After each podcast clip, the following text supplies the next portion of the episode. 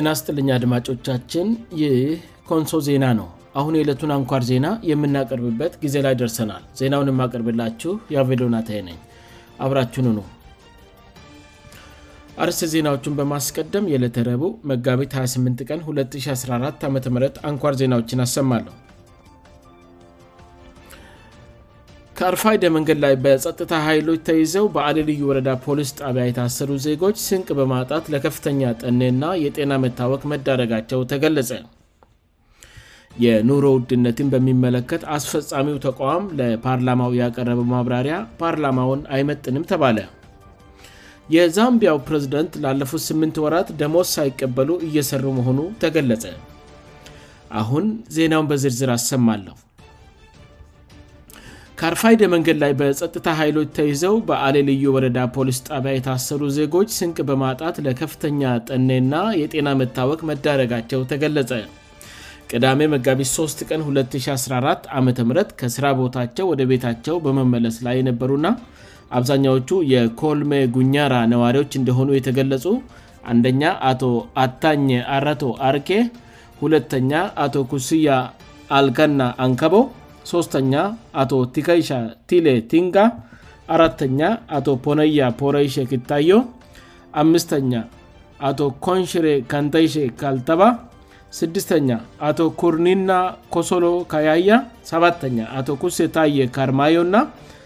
8ተኛ አቶ ሺፕሮጉይልታ ኩላለው የተባሉ በወቅቱ በአለ ልዩ ወረዳ በኩል የጸጥታ ስራ ለመሥርት በተቀመጡ የልዩ ሀይል ሰራዊት ከደልና ወንዝ ወደ አርፋ ሄ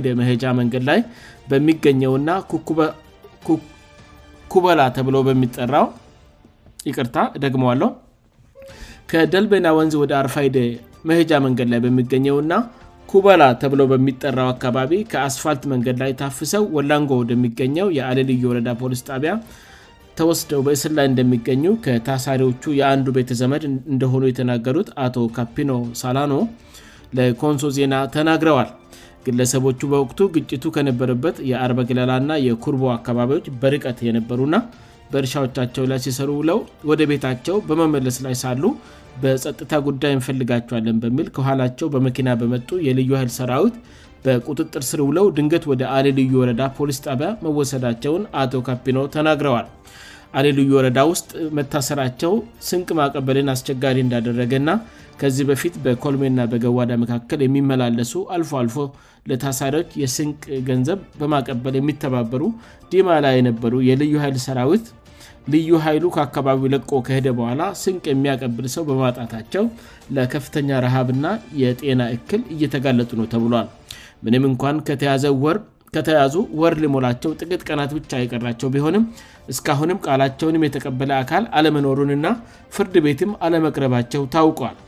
አፍሰው በፖሊስ ጣቢያ ያሰራቸው የልዩ ሀይል ሰራዊትም አካባቢውን ለቀው ከሄዱ ከአድ ሳምንት በላይ ሆነዋል በማናውቀው ነገር በጸጥታ ኃይሎች ታፍሰን እየተንገላታን ነው ያሉት ታሳሪዎቹ የኮንሶ ዞን መንግስት ከአል ልዩ ረዳ መንግስት ጋር በመነጋገር እንድለቀቁ እንዲያደርግ በአቶ ካፕኖ በኩል ተማጽነዋል ሰራዊቱ በአካባቢው በነበረ ጊዜ የተላከላቸው የስንቅ ገንዘብ እንኳን እንዳልደረሳቸው የተገለጸ ሲሆን ረዥም ጊዜ ምግብ ባለመመገባቸው ከስምንቱ ታሳሪዎች ሁለቱ የጤና እክልም እየገጠማቸውና አቅምም እየከዳቸው ነው ተብሏል ይሁንና ባለፉት ጥቂት ቀናት በኮንሶ ሰበካ የሚገኙ አገልጋዮች ወላንጎ ከሚገኙ የቤተክርስቲያን መሪዎች ጋር በመነጋገር የተወሰነ ስንቅ እንድደርሳቸው መደረጉ ታውቋል ገንዘብ ከረዥም ጊዜ በፊት በሰራዊቱ አባላት በኩል ተልኮ ማጥረስ ባለመቻላቸው በኮልሜክላስተር የጸጥታ ኃላፊ በኩል ተመላሽ ያደረጉት የስንቅ ገንዘብ ነው ተብለል ይሁንና ምንም ጥፋት ባልሰራንበትና ቃላችንን እንኳን የሚቀበልም ሆነ ምስክር አስመስክረብን ክስም የሚያቀርብብን የያዘን አካል በሌለበት እንግልታችን እንዲያበቃ የዞን የጥታ ኃላፊዎች ከልዩ ወረዳው የጥታ ኃላፊዎች ጋር ተነጋግረው እንዲያስፈቱን ጥሪያችንን እናቀርባለን ብለዋል የሚመለከታቸው የዞን መንግስት ኃላፊዎች ከሚመለከታቸው የአለልዩ ወረዳ አመራር ጋር በመነጋገር ለእነዚህ ዜጎች መፍትሄ እንዲፈጥሩ እኛም በታሳሪዎች ስም እንጠይቃለን ይህ ኮንሶ ዜና ነው የኑሮ ውድነትን በሚመለከት አስፈፃሚው ተቋም ያቀረበው ማብራሪያ ፓርላማውን አይመጥንም ተባለ የህዝብ ተወካዮች ምክር ቤት አባላት የንግድና ቀጠናው ትስስር ሚኒስቴር የኑሮ እርድነትን ለመግታት በደላሎች ላይ ወሰድኩ ያለውን እርምጃ በሚመለከት የምክር ቤቱ አባላት ምክር ቤቱን አይመጥንም ብለዋል ፓርላማው 247 የምክር ቤቱ አባላት በተገኙበት ማክሰኞው መጋቤት 27 ቀን 2014 ዓ ም በደረገው አምስተኛ መደበኛ ስብሰባ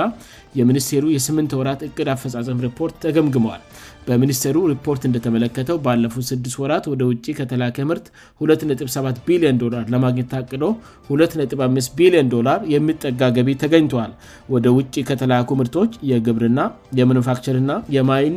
የማይድን ዘርፎች እንደ ቅደም ተከተላቸው ከፍተኛውን ድርሻ መያዛቸው በሪፖርቱ ተገልጿል በተጠቀሰው ጊዜ ውስጥ የዋጋ ንረትን እና የኖሮ ውድነቱን ያባብሳሉ ተብለው በተጠረጠሩ 140 የሚጠጉ ህገወጥ ነጋዴዎች ላይ በየደረጃው በተዋቀረ የዋጋ ማረጋጋት ህገወጥና ኮንትሮባንድ ንግድ ቁጥጥር ግብር ኃይል በተደረገ ክትትል ህጋዊና አስተዳዳራዊ እርምጃ መወሰዱን የንግድና ቀጠናዊ ትስስር ሚኒስቴር አቶ ገብርኤል መስቀል ጫላ ለፓርላማው ገልጸዋል የኮቪድ-19 ወረርሽኝ በዓለም አቀፍ ገበያ የምርትና አገልግሎት መቀነስ የብር የመግዛት አቅም መዳከም የጸጥታ ችግር የፍላጎትና አቅርቦት አለመጣጣምና በርካታ ችግሮችን በአገር አቀፍ ደረጃ ለታየው የኑሮ ውድነት ምክንያት መሆናቸውን አስረድተዋል አቶ ገብረ መስቀድ የኑሮ ውድነቱም ለማባባስ በህገ ወጦች ላይ በተደረገው ክትትል ህጋዊና አስተዳዳዊ እርምጃ በመውሰድ ገበያውን ለማረጋጋጥ ጥረት መደረጉ ቢገልጹም የፓርላማ አባላቱ በአገር ደረጃ ለተፈጠረው የኑሮ ውድነት ከሚኒስቴሩ የተሻለ ማምራሪያ እንደሚፈልጉ በመግለጽ በርካታ ጥያቄዎችን አንስተዋል ዶር ዘውዱ ታደሰ የተባሉ የምክር ቤት አባል መንግሥት በውድ ዋጋ ገዝቶ ወደ ሀገር ውስጥ ያስገባቸው ድጎማ የሚደረግበት ነዳጅ ወደ ጎረቤት ሀገሮች እየወጣ እየተሸጠ መሆኑን ገልጸው የነዳጅ ድጎማን ማንሳት እንደ መፍትሄ ተደርጎ የቀረበው አማራጭ ለአንድ ችግር የተሻለ መፍትሄ ከማምጣት ይልቅ ለችግሩ ሌላ ተጨማሪ ችግር መፍጠር እንደሆነ ተናግረዋል መንግስት በሀገር ውስጥ ለሚታየው የኑሮ ውድነት ችግር ሰበብ አስባብ በመፈለግ ወደ ውጭ መግፋት አባዜ እንደሚታይበት የገለጹት የምክር ቤት አባሉ በመንግስት ባለስልጣናት እና በህዝቡ መሀል የሚታይ ከፍተኛ የሆነ የኑሮ ልዩነት በተለይም ባለስልጣናት የምነዷቸው ቅንጡ መኪኖች ና የምኖሩባቸው ቤቶች በመጥቀስ ባለሥልጣናቱ የድሃውን ኑሮ እና ህመም ልረዱት አለመቻላቸውን አስረድተዋል የዋጋ ንረት ጉዳይ አሳስቦናል መመለስ አለበት በተለይም ኢትዮጵያ አሁን ከገጥማት የጦርነት ችግር ማሻገር የኑሮ ውድነቱ ድምፅ አልባ ጦርነት ሆኗል ያሉት ደግሞ ወይዘሮ ኢታፈራው ዘገይ የተባሉ የምክር ቤቱ አባል ናቸው አባሉ አክለው ለኑሮ ውድነቱ ችግር የምርት አቅርቦት ነው ከማለት ይልክ የገባውን ምርት ስርዓት ባለው መንገድ ለገበያ ማቅረብ ተገቢ መሆኑን ጠቁመዋል ለአብነትም በገበያ ውስጥ የነዳጅ ሽያጅ በህገወጥ ንግድ እየተመራ እንደሆነ ተናግረዋል ነዳጅ የትን ቦታ ብካሄድ እጥረት የለም ነገር ግን በአይንም እንዳየሁት በህዝብ ውይይትም እንደሰማሁት በማዳያዎች የሚደረገው ህገወጥነትና ጨለማን ተገን አድርጎ የሚከናወነው ድርጊት አሳፋሪ ነው ብለናል ብለዋል ሚኒስትሩ በሪፖርታቸው በንግድ ስርዓቱ ውስጥ ያሉ ደላሎችን ለመቆጣጠር የኢንተርኔት መቆራረጥ ችግር በምል ላቀረቡት ምክንያት ይህ ለምክር ቤቱ አይመጥንም ያሉት የምክር ቤቱ አባል ወይዘሮ ጽጌ ዳንጎባ ናቸው በተጨማሪም የኮቪድ-19 ወረርሽኝ ለኑሮ ውድነት ምክንያት ተብሎ ስለመቅረቡ ሲናገሩ ወገን ይህ ምክር ቤት ልረዳ የሚገባው ኮቪድ-19 ወረርሽኝ ሲነሳ ስራ በፈረቃ ሲሰራ በቆየበትና ገበያ በተከለከለበት ጊዜ ምርት የሚያመርቱ ፋብሪካዎች ምርት ባቆሙበት ወቅት እንኳን ዘይት አንድ ሽብር አልተሸጠም ሳሙና ሰባብር አልተሸጠም ማካሮኒ ሰባብር አልተሸጠም ሲሉ ወቀሳቸውን ሰንዝረዋል ይሁንና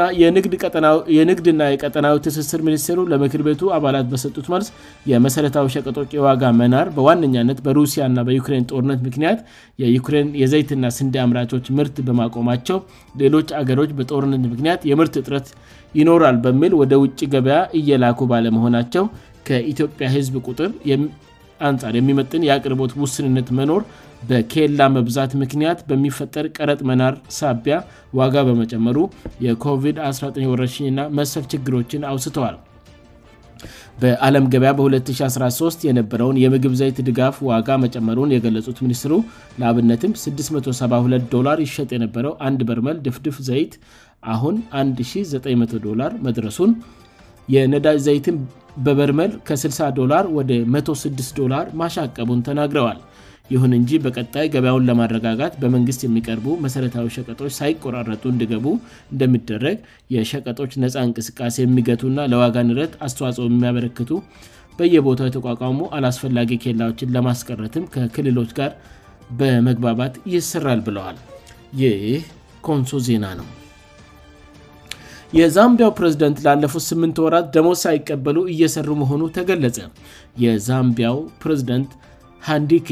ሂችሌማ ላለፉት ስምንት ወራት ምንም ደሞዝ ሳይቀበሉ እየሠሩ መሆኑን የአገሪቱ የፋይናንስ ሚኒስቴር አስታውቀዋል የዛምቢያው የፋይናንስ ሚኒስቴር እንዳስታወቀው ፕሬዝደንት ሃንዲንኬ ሂችሌማ ህዝብን ለማገልገል ካላቸው ፍላጎት የተነሳ ደሞዛቸውን በራሳቸው ፈቃድ አልወሰዱም ፕሬዚደንት ሃዲንጌ ሂችሌማ በጉዳዩ ላይ በሰጡት ማብራሪያ የሀገሪቱን ከፍተኛ ስልጣን ለመያዝ ያነሳሳቸው ደሞዝ እንዳልሆነ አስታውቀዋል የደሞዝ ጉዳይ ምንም አይደለም ምክንያቱም ወደ ቢሮ እንድንገባ ያነሳሳን ህዝብን ለማገልግል እንጂ ገንዘብ አይደለም ደሞዝ ያልተቀበልኩት መንግስት ከልክሎን ሳይሆን በራሴ ፈቃድ ነው ብለዋል ፕሬዝደንት ሃደንጌ ሂችሌማ አክለውም የተከበሩ የሚሉና ሌሎችም በሺዎች የሚቆጠሩ የማይረግ ስሞች መጠራት እንደማይፈልጉም ያስታወቁ ሲሆን ሚስተር ፕሬዝደንት የሚለው መጠሪያ በቂያቸው እንደሆነም አስታውቀዋል የ59 ዓመቱ ፕሬዝደንት ሃዲንኬ ሂችሌማ ኢኮኖሚስት እንዲሁም በርካታ የአገር ውስጥና የዓለም አቀፍ ትስስር ያላቸው የንግድ ሰው ሲሆኑ ከ15 ዓመታት የተቃዋሚ ፓርቲ ቆይታ በኋላ ኤድጋር ሉሉንጉን በማሸነፍ የዛምቢያ ፕሬዝደንት ሆነው መመረጣቸው ይታወሳል ሃዲንግ ሄችሌማ በምርጫ ቀስቀሳቸው ወቅት ሙስናን ከስር መሰረቱ በማስወገድ እና ለብዙሃኑ በተለይም ለወጣቶች ስራ እድል በመፍጠር እንዲሁም የታመመውን የአገሪቱን ኢኮኖሚ ለመፈወስ ቃል ገብተው እንደነበር ይታወሳል ይህ ኮንሶ ዜና ነው አድማጮቻችን ዜናውን ከማብቃቴ በፊት አርስ ዜናዎቹን በድጋሚ አሰማለሁ ከአርፋይዲ መንገድ ላይ በጸጥታ ኃይሎች ተይዘው በአሌልዩ ወረዳ ፖሊስ ጣቢያ የታሰሩ ዜጎች ስንቅ በማጣት ለከፍተኛ ጠኔና የጤና መታወቅ መዳረጋቸው ተገለጸ የኑሮ ውድነትን በሚመለከት አስፈፃሚ ተቋም ያቀረበው ማብራሪያ ፓርላማውን አይመጥንም ተባለ